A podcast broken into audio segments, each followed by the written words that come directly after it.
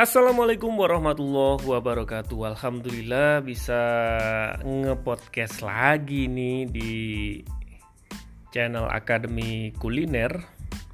Ini podcastnya spesial ini karena direkam dari Sanur di Bali. Jadi di adaptasi kebiasaan baru ini Kebetulan ada pekerjaan yang mengharuskan ke Bali. Nah mumpung lagi santai kemudian di kamar hotel ini kan senyap ya sepi jadi bisa merekam podcast ini. Ini adalah podcast pertama. Harusnya saya yang duluan nih tapi kalah kesit ternyata dengan Bu Yuyun Anwar yang udah ngerilis podcastnya duluan di Kuliner Academy ini. Uh, dimulai dari keresahan saya ya sebenarnya terkait dengan dunia pemesar, uh, pemasaran di Indonesia. Karena saya melihat ini banyak yang butuh, yang menyediakan juga banyak, pembelajaran-pembelajaran tentang pemasaran kan juga banyak. Tapi ada, menurut saya ada sebuah celah atau sebuah ruang sempit kalau istilahnya dari guru saya, Pak Dr. Imam El Fahmi di Malang, yang tidak banyak digarap yaitu bagaimana memahami pemasaran ini ndak bahasa Jawanya itu ndak ndaki-ndaki gitu ya. Nggak kelinjipen gitu. Nggak terlalu kompleks nggak terlalu rumit tapi mudah dipahami sehingga mudah diaplikasikan.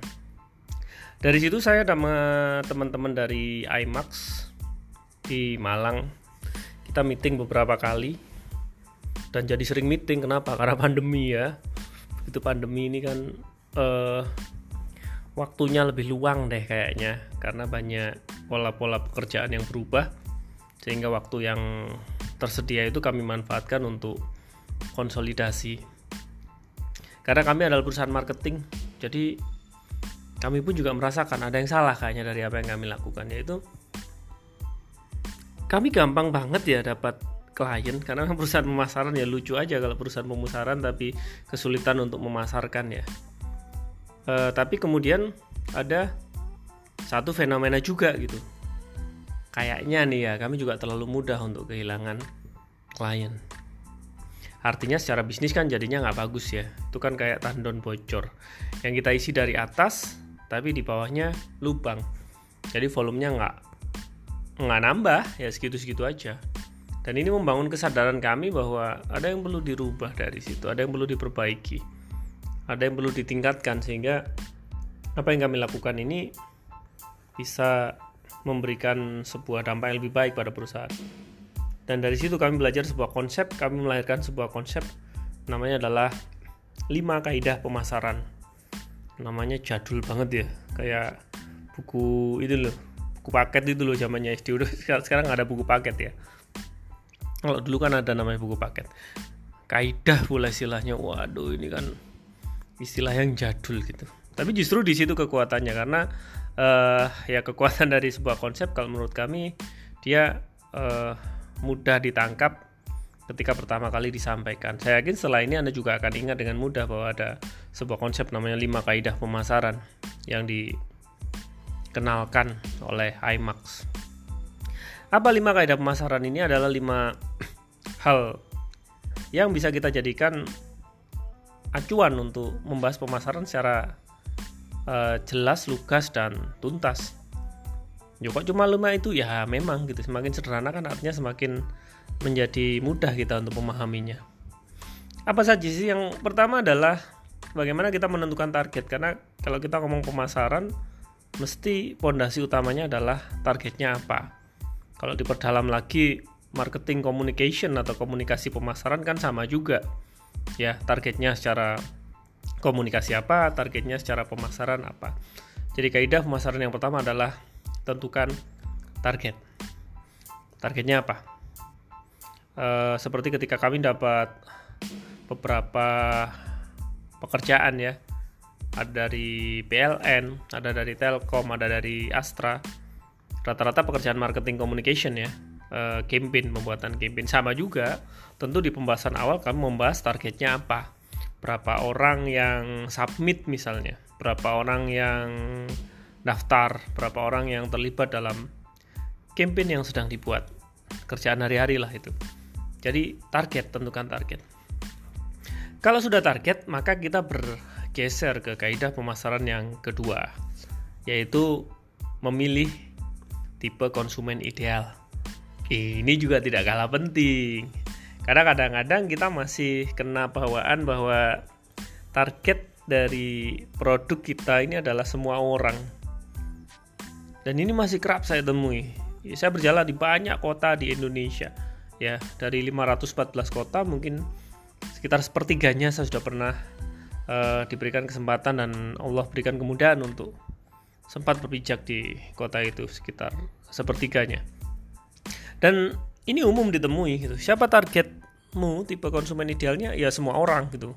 Apalagi kalau produk-produknya adalah produk yang semua umur misalnya bisa menikmati. Padahal nggak gitu juga deh ya. Dan ini di kaidah pemasaran ala IMAX yang kedua itu dibahas. Siapa sih tipe konsumen ideal? Nah kalau kita sudah tahu tipe konsumen idealnya siapa baru kita bergerak ke kaidah pemasaran yang ketiga. Programnya apa? Maksudnya begini loh ya supaya nggak ikut-ikutan kalau bikin program. Ini bikin makan gratis ikut. Ini bikin beli satu gratis satu ikut. Ini bikin makan gratis bayar pakai doa ikut. Kenapa ikut? Karena lagi ngetren lagi viral nggak juga sih. Kan belum tentu sesuai dengan tipe konsumen idealnya kita.